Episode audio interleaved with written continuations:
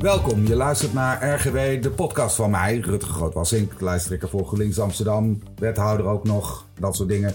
Uh, vandaag heb ik een hele leuke gast, Corinne Ellemeet. Uh, Corinne is uh, vice-fractievoorzitter voor GroenLinks in de Tweede Kamer. Uh, historica, ook bedrijfskunde gestudeerd, heel veel verschillende dingen gedaan.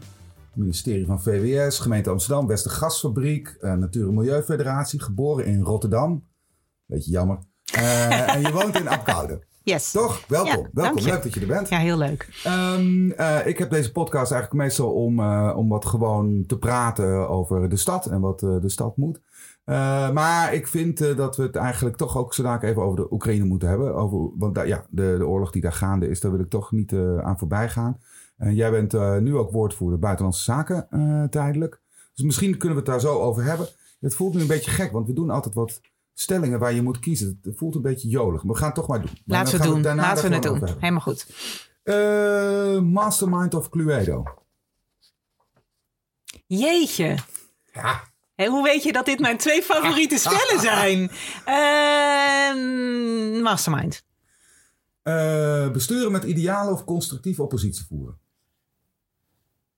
Besturen met idealen. Rood of groen? Groen. Kunst of cultuur? Cultuur. Toni Morrison of Michelle Obama? Toni Morrison. Ah, dat vind ik ook een goeie. Ah, uh, ja, een hele makkelijke Amsterdam of Apkoude. Apkoude. nee, dat, nee, okay. Ik mag er niet op terugkomen. Nee, dat, nee, dat is. hey, dankjewel. Uh, leuk. hey, um, uh, jij, je hebt gisteren volgens mij ook Kamervragen gesteld. Misschien dat we kort even, kun je kort even vertellen? Oh ja, dat moet ik natuurlijk dan wel even bij vertellen, want meestal ga ik niet in op de actualiteit. En het is nu vrijdag 25 februari, de dag van de herdenking van de februari-staking. Ook een belangrijk moment voor deze stad.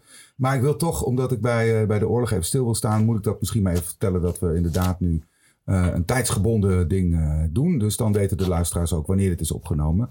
Hey, um, ik denk dat iedereen uh, nou ja, alleen maar met afschuw kennis heeft genomen van de oorlog in, in Oekraïne. Um, ik las net dat de Russen in de, in, de, in, de, in de buitenwijken van Kiev staan. Um, jij hebt veel ook in, je hebt veel internationaal gedaan. kun je vertellen hoe jij hier naar kijkt, wat je hiervan vindt en ook wat je daar politiek mee hebt gedaan? Ja, nou ja, uh, laat ik dan maar een beetje achterwege van de alle obligate opmerkingen als uh, geschokt. En uh, dat, dat is het natuurlijk sowieso, zijn we allemaal. Um, um, en we zijn ook verrast. En ergens is dat misschien wel gek. Misschien, als we heel eerlijk zijn, moeten we ook zeggen dat we te lang niet hebben willen zien wat voor iemand Poetin is. Mm um, wat hij al gedaan heeft. Hij heeft de Krim al bezet. Hij heeft natuurlijk al allemaal grenzen overschreden. Wat hij in zijn eigen land doet. Mm -hmm. uh, hoe daar gewoon geen democratie meer is. Hoe mensen daar onderdrukt worden. Uh, hoe die met Navalny omgaat. Nou ja, noem het allemaal maar op. En dat het nu heel dichtbij komt. Um, de oorlog die, die nu begonnen is in Oekraïne is aan onze grenzen, aan de grenzen van Europa. Uh, en ja, daar je merkt gewoon, vind ik in ons land, ik ben ook benieuwd hoe jij dat ziet hoor, maar dat wij een, inmiddels een land zijn waarbij mensen zich bijna niet meer kunnen voorstellen dat dit kan gebeuren. Mm. Wij denken altijd toch wel van onszelf. Ja, we hebben een uitzonderingspositie. Wij kunnen niet in oorlog raken. Bij ons kan het niet echt misgaan. En dat, dat leidt er ook toe dat wij uh, wat afstand houden tot gebieden waar het wel helemaal misgaat. En dat kan gewoon niet meer. Nee. Uh, ik denk echt dat dit gewoon Europa destabiliseert. Denk alleen al aan mensen, Oekraïners die nu op de vlucht slaan. Ja. De laatste cijfers die ik heb gezien zijn dat we wel uh, tussen de 1 en 5 miljoen vluchtelingen kunnen verwachten binnen Europa. Ja. En wij zijn die regio. Wij zijn die regio waar die vluchtelingen opgevangen moeten worden. Dus dit gaat uh, op allerlei fronten enorme gevolgen hebben. Natuurlijk in de eerste plaats voor mensen in Oekraïne, maar ook voor ons, vluchtelingen. Uh, we zijn nog steeds enorm afhankelijk van uh, Russisch gas. Um, die prijzen lopen nu natuurlijk al op. Ja. Dus ik denk op alle mogelijke manieren gaan wij iets meemaken wat onze generatie nog nooit heeft meegemaakt. Ja, ja. nou Ehm, en het is op een andere manier, hè, maar ik moest toch ook wel een beetje denken aan de Joegoslavië-oorlog. Ja. Uh, die in zekere zin denk ik ook, in ieder geval voor mij persoonlijk, zo'n schok was. Uh, hè, inderdaad het gevoel, dit, dit kan niet in Europa. Uh, en daar had je dat natuurlijk ook.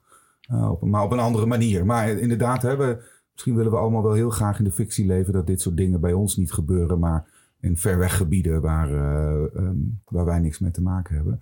Hey, even over die vluchtelingen, want ik hoorde van het Rode Kruis... dat de eerste, al in, de eerste vluchtelingen al in Amsterdam zijn.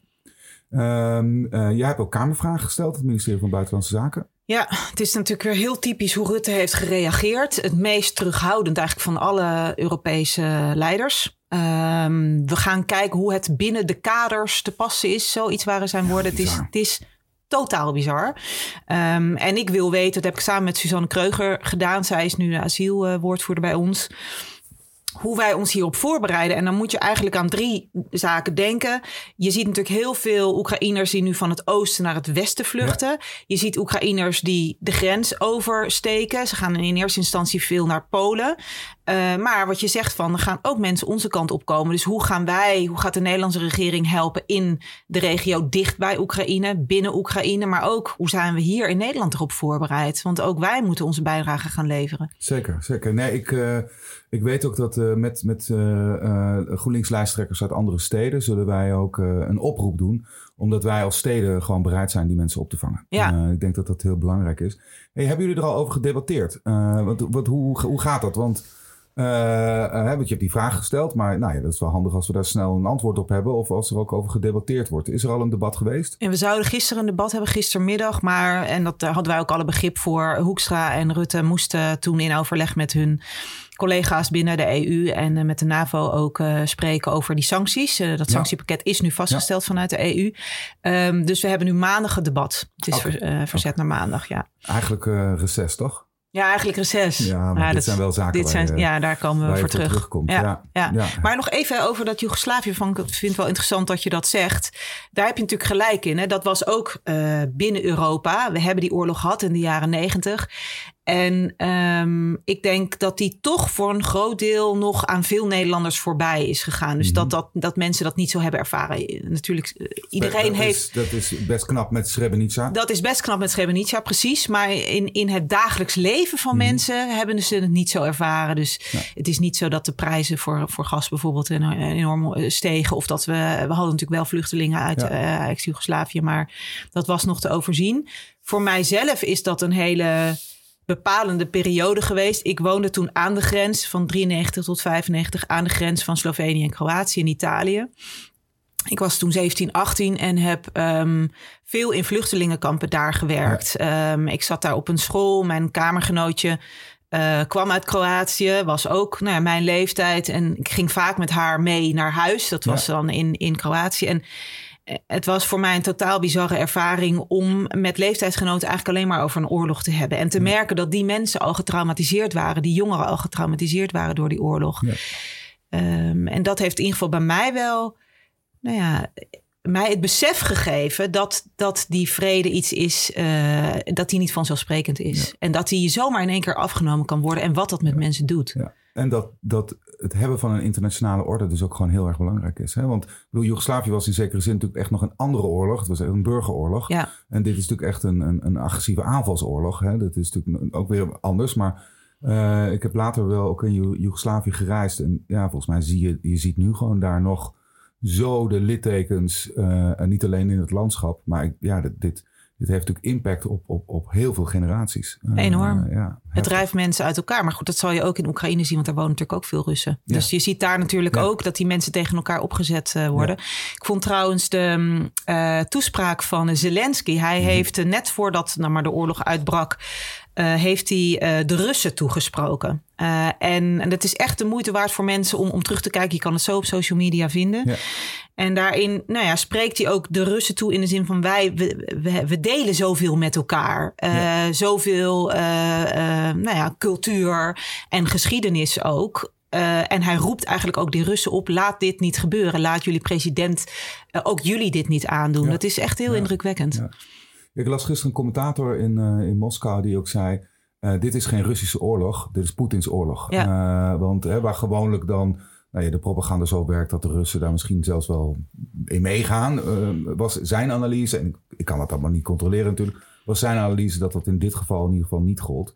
Nou ja, dat kan misschien weer hoopgevend zijn voor de toekomst dat ook aan Poetin een einde komt. Ja, en even heel in het klein, je had het er al over dat de uh, GroenLinks-wethouders in verschillende steden nu ook opstaan. Dan zie je ja. hoe belangrijk het is dat wij ook nou ja, op al die plekken besturen. Ja. Dat we het verschil kunnen maken in het, in, ja, ik bedoel op Nederlandse schaal, maar um, toch ontzettend belangrijk. Het is wel belangrijk dat jullie uh, die Rutte een beetje onder druk blijven zetten. Zeker. Want bij uh, Moria hebben wij ook geprobeerd, bij ons Amsterdam bijvoorbeeld gezegd, laat ons vooral kinderen opvangen. En dat, dat lukte toch niet. Dus, Zeker waar. blijf die druk op Rutte opvoeren. Hey, misschien um, toch een wat, wat, wat, wat vrolijkere noot. gefeliciteerd met de abortuswetgeving. Ja, Dank je. Een, een, een, kun je even vertellen waar, wat, wat de kern van het uh, voorstel was? Ja, we hebben twee, uh, doen twee voorstellen. En met één voorstel hebben we al een hele belangrijke stap gezet. Die gaat over de verplichte beraadtermijn van vijf dagen. Het komt er in de huidige wet op neer dat als je als vrouw een abortus wil en je komt bij een abortuskliniek, dat je vanaf dat moment nog eens verplicht vijf dagen moet nadenken over je beslissing. En nou ja, dat is uh, idioot, omdat heel veel vrouwen, dat weten we ook uit onderzoek, er al goed over nagedacht hebben en die beslissing al genomen hebben. Vrij, vrij paternalistisch. Het is vrij paternalistisch, is, uh, absoluut. Ja, ja, ja. En uh, kijk, als vrouwen nog twijfelen, dat kan. dan is er alle ruimte om er nog goed over na te ja. denken en die gesprekken te voeren. Maar om dit verplicht op te leggen dat is, niet van deze tijd. Nee, dat is vrij, ik wilde zeggen middeleeuws, dat is niet helemaal correct, maar het is wel vrij achterlijk. Het is idioot. Het is gewoon idioot. En um, het heeft ook niks te maken, want dat zeggen tegenstanders dan van ja, maar het moet een zorgvuldig proces zijn. Maar ja, alsof vrouwen lichtzinnig besluiten tot een abortus. Dat ja. doen vrouwen niet. Nee. Uh, en, en een arts is er ook bij om te waarborgen dat dat nou ja, proces zorgvuldig te lopen is. Eigenlijk een, een, een, een, een vrouw heeft een een verplichte bedenktijd nodig om een verstandige afweging te kunnen ja. maken. Dat ja. is ook wel vrij ja. idioot. Ja. Maar goed, hey, dit het tweede is, voorstel? Het tweede voorstel gaat over de abortuspil. Uh, nu kan, als je nog in de vroege fase van een zwangerschap Mhm. mm -hmm. zit, uh, dan kan je die zwangerschap afbreken met een abortuspil. Dat kan nu alleen uh, de abortuskliniek doen of een abortusarts. Mm -hmm. En wij zeggen, heel veel vrouwen gaan in eerste instantie naar hun huisarts, omdat zij het prettig vinden om met een arts erover te spreken die, die ze voor, kennen. Die ze Ja. kennen. Ja. En waarom is het dan ook niet gebruikelijk dat zo'n arts, zo'n huisarts, ook die abortuspil kan voorschrijven? En dat willen wij mogelijk maken. Daar staan we nog aan het begin. Dus we hebben de Ja. eerste termijn, de eerste inbreng van de Kamer gehad. En wij gaan de week na het reces uh, daarop antwoorden in de Tweede Kamer. Over die bedenktermijn van uh, vijf dagen schrappen hebben we inmiddels al meerderheid in de Tweede Kamer. Ja. En gaan we nu door naar de Eerste Kamer. Hey, want het was een initiatiefvoorstel van jou uh, met de PvdA aanvankelijk, toch? Ja, de abortuspil. Ja, ja, klopt. Ja. Hey, en ehm, wat, ik denk dat dit hele, hele belangrijke stappen zijn. Ik geloof dat was het Charles Sitalsing, eh, die, die schreef er een hele mooie column over. Ja. Hè, dat dit een van de laatste uh, bastions was uh, van, uh, van, van, van, van mannelijkheid die invloed heeft op vrouwen die, die nu geslecht is. Dat is ja, wat, wat goed. ik heel mooi vond, was ze zei van de politiek verdwijnt uit het ja. vrouwenlichaam. Ja, ja, vond dat, prachtig. Ja, heel mooi. Ja. Hé, hey, maar um, ook wel een beetje opvallend hoe dit gegaan is, toch? In welke we, zin? Nou, we hebben eerst eindeloos op dat klote kabinet gewacht. Ja. Uh, toen was er eindelijk een kabinet. En binnen no time had je ook coalitiepartijen mee. Ja, nee, want die, die abortus, de wet over abortuspeel, die hebben, Ja. daar heb ik al heel lang aan gewerkt. Ja. En die lag al heel lang klaar. Maar ik maak niet een, een wet om er politiek mee te shinen. Ik wil Nee. het verschil maken in de praktijk van het Zeker. leven van die vrouwen, uiteraard. En ik wist met het oude kabinet dat dat niet zou gaan lukken, omdat er geen ruimte was. Mhm. En eh, bij dit kabinet is er meer ruimte eh, als het gaat om medische ethiek. Die is overigens ook wel beperkt hoor. Dus je hoort vaak, oh, alles kan nu. Mhm. Dat is niet zo. Maar op het gebied van abortus uh, heeft uh, Rutte 4 gezegd: we laten het over aan de Kamer. Dus dat was het moment dat ik samen met Lilianne Ploemen zei: kom, we gaan, uh, we gaan ermee de boer op en we gaan hem uh, behandelen. En de andere wet, dus de bedenktermijn van vijf dagen schrappen, dat was een initiatief van um, Pia Dijkstra. Oh ja. Ja. Uh, inmiddels dus overgenomen door, uh, door Jan Paternotte. Ja. En die heeft ons uh, daarbij gevraagd. Dus wij ja. zijn nu ook mede indiener bij die wet. Ja, maar de, de VVD heeft zich ook al bij jullie uh, initiatief uh, aangesloten. Ja, ja, en het mooie is dat um, over die abortuspeel... dat het initiatief destijds genomen was door Edith Schippers. Dus toen ah. Edith Schippers minister van VWS was, heeft zij deze wet voorbereid. Ja, is nooit in stemming gekomen. Nou, het punt was, er zaten wat haken en ogen aan haar voorstel. Mhm. Dus bij haar was het zo dat je als huisarts nog een extra vergunning moest aanvragen om die abortuspeel te mhm. kunnen verstrekken. Nou, dat leidt weer tot heel veel bureaucratie. Dat zagen die huisartsen terecht niet zitten. Dus toen heeft zij inderdaad haar voorstel ingetrokken. Had ook allerlei politieke redenen natuurlijk. Um, uh, dus wij hebben die eigenlijk uh, uit de laag getrokken, verbeterd, aangepast en vervolgens uh, nou, nu ingediend. Nee, ik denk dat het heel bijzonder is. Heel ja, bijzonder. Dus, ja het, is, het is zeker bijzonder. Als je... Is dit een nieuwe bestuurscultuur? Uh, nou, ja, kijk. Ik, hoor daar nooit meer iemand over. De nieuwe bestuurscultuur, dat was echt een ding, toch? Ja, dat was echt een ding. Maar dat was natuurlijk ook een soort ja, begrip waar iedereen het zijnde van dacht en onder verstond. Ja, uh, en het is ook een beetje natuurlijk gebruikt door Rutte destijds om te zeggen: ik ga het helemaal anders doen. Nieuw elan. Al die, al die uh, Rutteaanse diarree. Nooit meer iets van gehoord. Nee. Nee, nou ja, kijk, wat je ervan kan zeggen is um, dat je meer positie aan de Kamer geeft. Dat, mm dat, dat geldt voor, voor medisch-ethische onderwerpen. Uh, en dat is een goede zaak. Ik bedoel, daar kan, kan ik gewoon heel duidelijk over zijn. Uh, niet alles dichttimmeren in een, uh, in een akkoord. op zoiets als medische ethiek is belangrijk. Maar wat ik al zei, als je bijvoorbeeld kijkt naar um, de embryo-wetgeving, een ander mhm. belangrijk medisch-ethisch onderwerp, nou daar is nul ruimte. Dus ze hebben het wel alsnog een beetje ingeperkt. Ja. ja. Hey, en ehm, hoe kijk je überhaupt ja, ik, ik bedoel, ik vind het een idioot kabinet dat het weer terug is. Uh, ik bedoel, ja, leuk, een paar nieuwe gezichten. Maar um, um, hoe kijken jullie als fractie, als Tweede Kamerfractie, überhaupt naar dit kabinet? Is, ga je dat constructief kritisch uh, bejegenen? Of uh, gaan we ze ook wel gewoon een beetje op een uh, falie geven?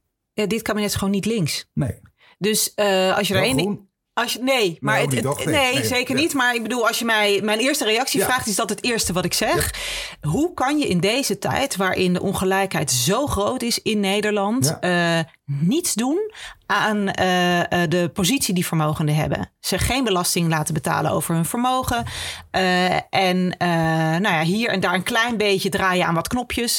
participatiewet, nou daar weet jij natuurlijk meer van. Maar dat is, dat is zo evident niet links. Dat, daar gaan wij niet heel lichtzinnig mee om, nee, zou ik maar zeggen. heel goed. Show them how, zou ik denken. Overigens, bij die vermogen hebben ze nog wel een probleem, toch? Uh, want die uh, eerdere vermogenstaks met dat rendement. Die, die, Zeker, hè, met die box 3. Dus ze hebben een probleem. Ja, ze hebben een um, miljardenprobleem. Ze toch? hebben een groot probleem. En nou ja, wij zitten er bovenop. Jesse en ja. ook Senna bij ons. Om te zorgen dat, nou ja, dat die reparaties nu ook echt wat gaan betekenen. Dus dat je vermogende zwaarder gaat belasten.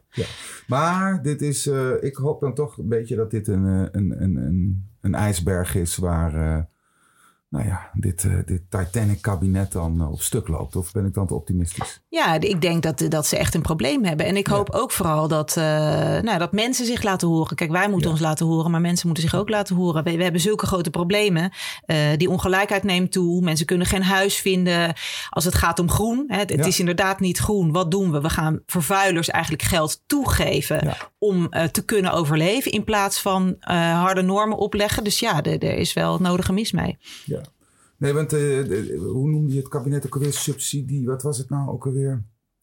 Uh, je had daar een mooie term voor. Uh, ik weet het niet meer. Subsidieliberalisme? Ja, dat was het. Ja. Kun, je dat, ja. kun je dat toelichten? Nou ja, kijk, wat, je, je, je, je geeft geld toe aan de vervuilers, noem ik als voorbeeld. Dus je geeft ze subsidie. Aan, aan, de grote bedrijven. Aan de grote bedrijven, aan de shells van, van dit land. Uh, om zogenaamd een tra transitie door te maken. Terwijl we allemaal weten, dat gaan ze pas echt doen als de schroeven aangedraaid worden. Ja. En dat gebeurt niet. Nee. Dus je geeft ze subsidie toe. En dat onder het mom van vrijheid, blijheid.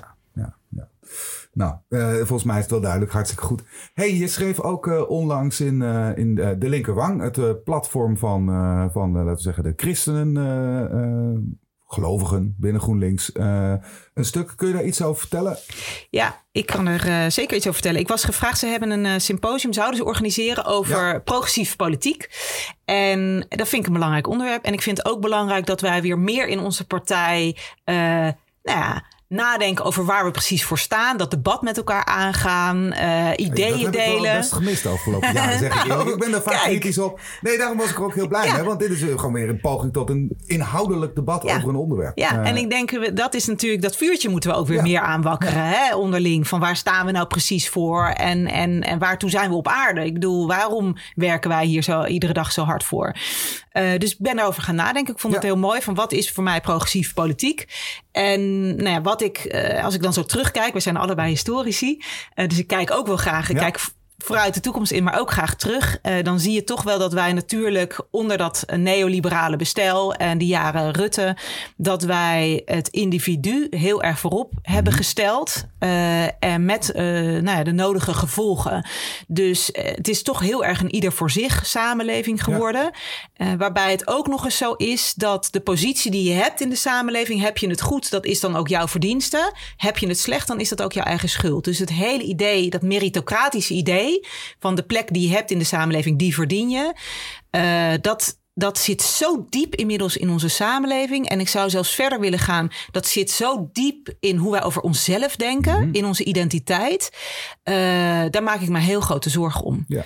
Uh, en ik vind het ook aan ons als progressieve partij om weer meer uh, nou ja, te laten zien wat de overheid kan betekenen om gelijkheid te creëren mhm. in ons land. Maar ook hoe belangrijk het is om dingen ook echt samen te doen. Dat het niet alleen gaat over jouw individualiteit maar dat het ook gaat over ons land als gemeenschap en de gemeenschappen die we hebben. Ja.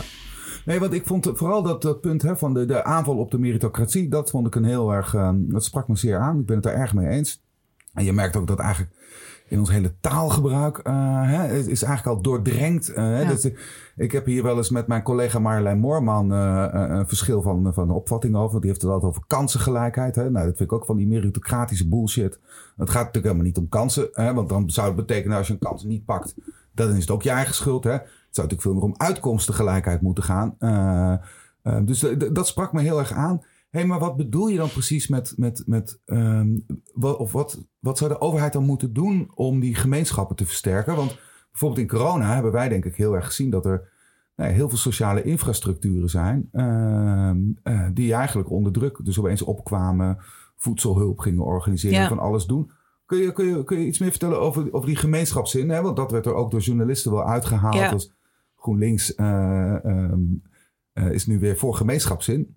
Ja, kijk, ik denk um, uh, dat we te lang hebben gedacht dat we het allemaal wel zelf zouden kunnen doen. En voor mij moet ook een overheid, zeg maar, die randvoorwaarden creëren. Dus uh, het is veel makkelijker om elkaar op te zoeken als er een buurthuis is. Het is mhm. veel makkelijker om elkaar te vinden als er een bibliotheek is, als er goed openbaar vervoer is. Dus op eigenlijk allerlei terreinen is die overheid cruciaal en heeft hij zich teruggetrokken. Ja.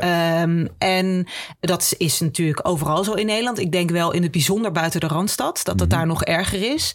Uh, en ja, mijn probleem bijvoorbeeld met het gemeenschapsdenken van, van het CDA um, of van de ChristenUnie, is dat zij heel erg doen alsof dat kan ontstaan zonder een sterke overheid overheid. Mhm. En mijn boodschap is eigenlijk dat gaat hand in hand. Dus je hebt een sterke overheid nodig om die nou ja, sociale infrastructuur uh, neer te leggen. En dan kunnen mensen elkaar ook makkelijker vinden. Ja, wat bij de, bij de partij die je noemt heb ik ook wel... Nou ja, komt toch ook wel gelijk een beetje spraatjeslucht. Uh, ja. Uh, Terug naar de zuilen? Ja, ja, nee, dat lijkt me heel ja. naar. Ja. Nee, nee, maar dat zou ik... Ja, oké. Nee, maar dan begrijp ik het beter en dat zou ik ook interessant vinden.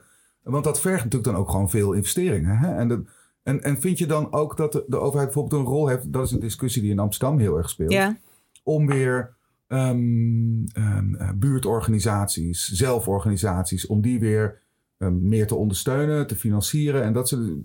Hoe kijk je naar de rol van bijvoorbeeld organisaties van bewoners? Ja, ik denk dat dat heel mooi is als we dat doen. Ik weet, mijn schoonmoeder woont uh, in Amsterdam en die is heel actief in zo'n stadsdorp, bijvoorbeeld. Hè? Ja. Nou, dat is heel erg, dat is denk ik heel krachtig. Ja. Dus mensen die elkaar weten te vinden, elkaar helpen, een boodschapje voor elkaar doen. Nou, zij heeft er ook, eh, op een gegeven moment was zij uh, gevallen in haar huis. En waren er allemaal mensen uit dat dorp, stadsdorp, die haar gingen helpen. Zodat zij daar gewoon thuis kon blijven. Dus ik denk dat dat wel nou ja, hele mooie voorbeelden zijn waar je het initiatief ook bij mensen legt. Maar bij, waar je wel kan kijken van hoe kan een overheid of dat nou een gemeente is in dit geval, en soms ook, ook landelijk, daar een rol in spelen. Dus, um, Zonder het dan te institutionaliseren. Want precies. Daar, daar zit denk ik nog wel een risico. Ja, ja, dus daar moet je, je moet heel erg het initiatief in die zin bij mensen leggen. Maar je moet wel kijken hoe kunnen we daarbij uh, helpen. Als ik bijvoorbeeld denk aan de zorg, um, uh, heb je ook hele mooie zorgcoöperaties, mm -hmm. initiatieven van mensen. Maar ja, om het helemaal zonder de overheid te doen, is ook nogal wat. Want je hebt bijvoorbeeld tegenover je dan een hele sterke, stevige ja. uh, zorgverzekeraar. Zelfs al een juridisch kader moeten schetsen ja. waar binnen die coöperaties bijvoorbeeld dan handelen. Ja, ja, dus ik denk dat dat heel goed hand in hand kan gaan. Ja. Maar ik, nee, dus er zat dus echt wel een verschil tussen mijn ideeën over gemeenschap en die van een partij als het CDA, die heel erg mm -hmm. toch alsnog denkt van zoek het maar zelf uit. Ja. Ja, hey, en um, er zijn ook best veel reacties op gekomen. Ik heb er zelf ook nog een korte reactie op geschreven. Gaan we hier nou verder over discussiëren?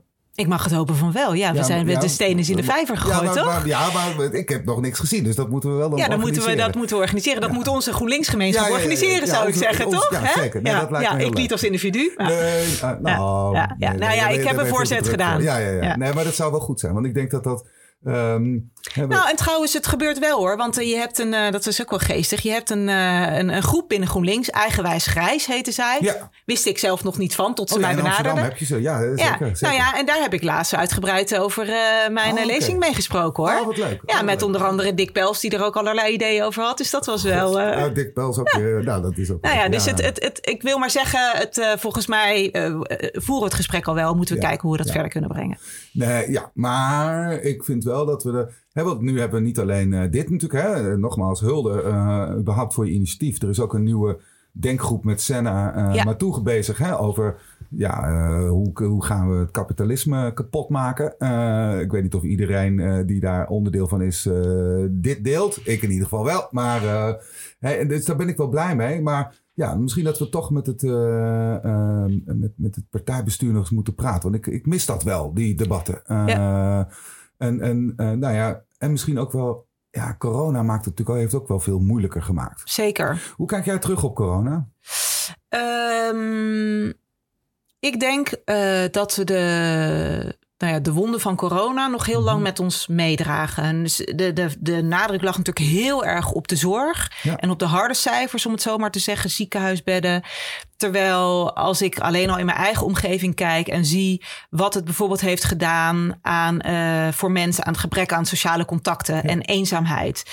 Um, als je kijkt naar de jongere generatie, mijn eigen kinderen, die ja. veel minder contact hadden met hun klasgenootjes, uh, ook vriendjes het steeds slechter zagen doen, omdat ze toch thuis zaten en niet iedereen een eigen kamer heeft en een computertje waarachter je je werk kan doen en ouders die af en toe een kopje thee komen brengen en je kunnen helpen met huiswerk. Dus ik denk zeker de jongere generatie, vergeet ook studenten niet. Nee. Uh, voor hen was het misschien nog wel het allerdramatischst. Uh, dus ik denk uh, dat we nog we niet moeten onderschatten hoeveel we nog moeten doen om juist die, ook die jongere generaties ook de komende jaren te helpen om hun been weer bij te trekken. Ja, ja. nee, want daar zit denk ik ook nou ja, wel mijn grootste. Nog even afgezien, ik ben natuurlijk wethouder sociale zaken. Ja. Dus ik zie ook dat bij heel veel mensen op de arbeidsmarkt stukken minder is gegaan. Maar dat lijkt wel weer aan te trekken voor het grootste deel. Nee, maar vooral die jongeren, studenten en misschien ook wel ouderen. Hè, die, die, die, uh, dat, en daar, dat slaat natuurlijk ook wel, dat haakt wel weer aan bij die gemeenschapszin. Uh, we zijn natuurlijk eigenlijk heel sociale wezens. Hè? Ja. En ik denk dat dat voor heel veel mensen een enorme impact heeft gehad. Ja. uh, nou ja, dat dat, dat, dat, dat toch. ehm, ja, ik heb ook hier eh, bij de gemeente bijvoorbeeld werken mensen die, die nu, die dan zijn een jaar in dienst. Die zien voor het eerst hun collega's eh, in real life. Die hebben alleen maar gebeeldbeld. Daar word je natuurlijk helemaal knettergek van. Ja. ja. Ja. Dus, uh, dus ik denk niet dat we moeten onderschatten ja, wat dit met heel veel mensen gedaan heeft. En dat we niet zomaar in één keer de knop om kunnen zetten en zeggen het is nu weer normaal en uh, over Nee. tot de orde van de dag. Nee. nee, en dat roept natuurlijk wel de vraag op. Hoe kunnen we zeker die jongeren en uh, nou, die jongvolwassenen hier ook bij begeleiden? En dan, nou pleit ik er niet voor dat iedereen maar een psychiater moet krijgen. Maar ik maak me hier ook zorgen over. Mentaal ook- welzijn Ja. zou wel hoger op de agenda Ja. moeten, ook bijvoorbeeld bij universiteiten. Ik weet het ook uh, van verhalen van nou ja, studenten aan de VU uh, hier in Amsterdam. Zie je, dat, is, dat zijn veel studenten, eerste generatie studenten. Voor wie het al allemaal niet vanzelfsprekend was om te gaan studeren. Dat, die, uh, nou ja, dat het voor hen soms een grote stap is. En dat ik hoor ook van docenten. Nou ja, dat, die, dat veel van hen het echt heel spannend vinden. Als ze in één keer bijvoorbeeld presentaties moeten geven. Omdat ze dat ook helemaal er niet in hebben kunnen groeien de afgelopen jaren. Dus echt het belang van mentaal welzijn van studenten uh, zou hoger op de agenda moeten, denk ik, binnen universiteiten. En ik weet niet wat ook een uh, college hier in Amsterdam daarin uh, kan betekenen, maar dat lijkt me wel belangrijk. Ja. Ja, ja, ja. Nou, de burgemeester Femke Halsema heeft er natuurlijk ook echt steeds op gehamerd, omdat wij natuurlijk ook gewoon zien dat. Ja, dit, dit, dit, dit doet iets met iedereen in de stad. En zeker met de jongeren en de studenten. Dit heeft natuurlijk zo'n impact.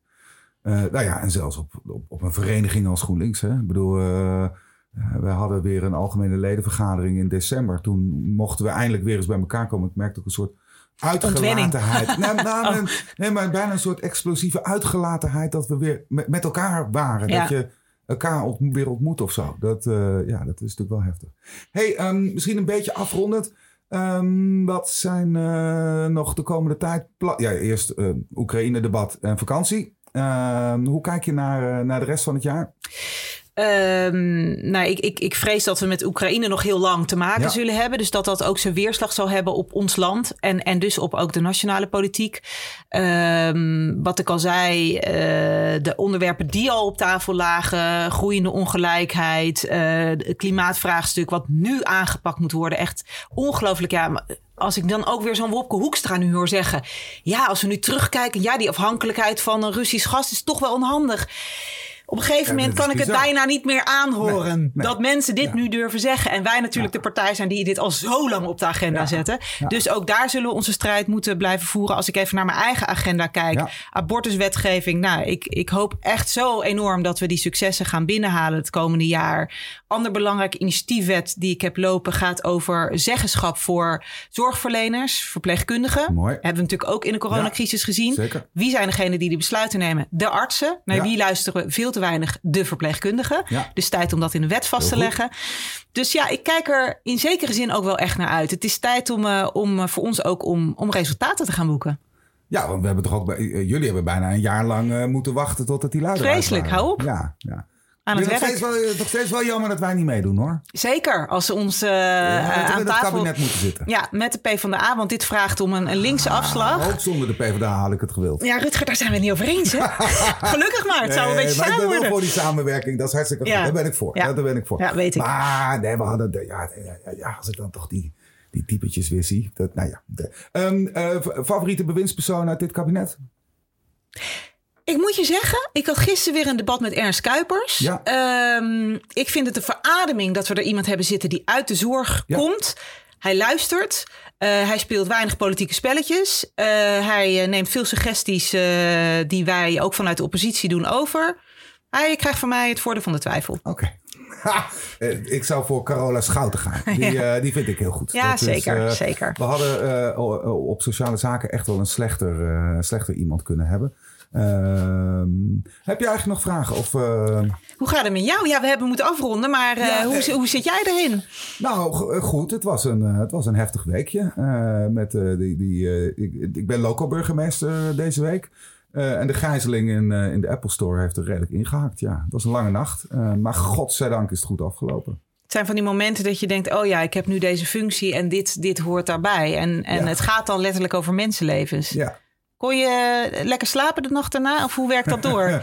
nee, ik ging om half twee, want we moesten ook nog een persconferentie om half en om half twee wandelde ik naar huis. En ik, had best uh, met de auto kunnen, ze hadden me best weg willen brengen, maar ik dacht het is misschien wel goed om even rustig te wandelen. Nee, ik ben nog wel een paar uurtjes wakker geweest, ja. Omdat je dan toch ook vol adrenaline zit en, en uh, ja, je moet dan toch alles ook wel weer een beetje verwerken. Dat is natuurlijk toch heel heftig, ja. En ja. hoe trots was je ook op, uh, op alle mensen die uh, hebben ja, ingegrepen? Nee, maar enorm. Kijk, ik, ik, zat daar vanuit de, de, driehoek. Hè, dat is de politie, openbaar ministerie en de gemeente. Dan, doe je dat, dan zit je daar. Ja, en, en, en ik denk dat iedereen zo ontzettend trots is hoe de, hoe de, hoe de politie, maar ook de DSI, hè, dat is die, die, speciale, die speciale eenheden, hoe die dit hebben gedaan. Dat is natuurlijk ongelooflijk. Ja. Uh, en ik maakte een grapje tegen de hoofdcommissaris van politie. Het is in Amsterdam. Uh, Uh, want we hebben een, een, een, alweer een, vorige zomer hebben we natuurlijk een enorme overval in Noord gehad. Hè, waar de politie ook heel adequaat ja, opgetreden ja. bij de Meeuwenlaan. Ja. ja, het is wel politie 5, boeven 0. Ja. Ik bedoel, ik denk dat iedereen... ja, heel, heel indrukwekkend. En dit heeft natuurlijk ook op, de, op, op die politieagenten een enorme impact. Want die hebben natuurlijk ook onder enorme spanning gestaan. Nee, het is heel ingrijpend. zeker ook voor mensen die vast hebben gezeten. Want er hebben natuurlijk heel veel mensen daar ook boven op de hogere verdiepingen. Het is voor heel veel mensen een traumatische gebeurtenis. Ja. Die, die, die, bieden we natuurlijk allemaal slachtofferhulp aan. Maar ook voor die agenten is dat natuurlijk ontzettend spannend. Ja. Dus ja. Nee, een wat, uh, een, een, een, wat heftig weekje. Maar, kan me voorstellen, ja. ja Hopelijk nu iets rustiger. Weekje? Nee, campagne. Hè? Ah, dus nee. we gaan nog even door. over 2,5 weken zijn de verkiezingen. Ja. ja. Spannend. Wat denk je? Gaan we het goed doen? Ik denk het wel. Ja, ja, ja, ja, de eerste signalen zijn, uh, zijn positief. En we oh. hebben gewoon een sterk verhaal wat nodig is in deze tijd. Dus uh, dat helpt. Zeker. Heel erg bedankt. Succes. Dankjewel. Hoi.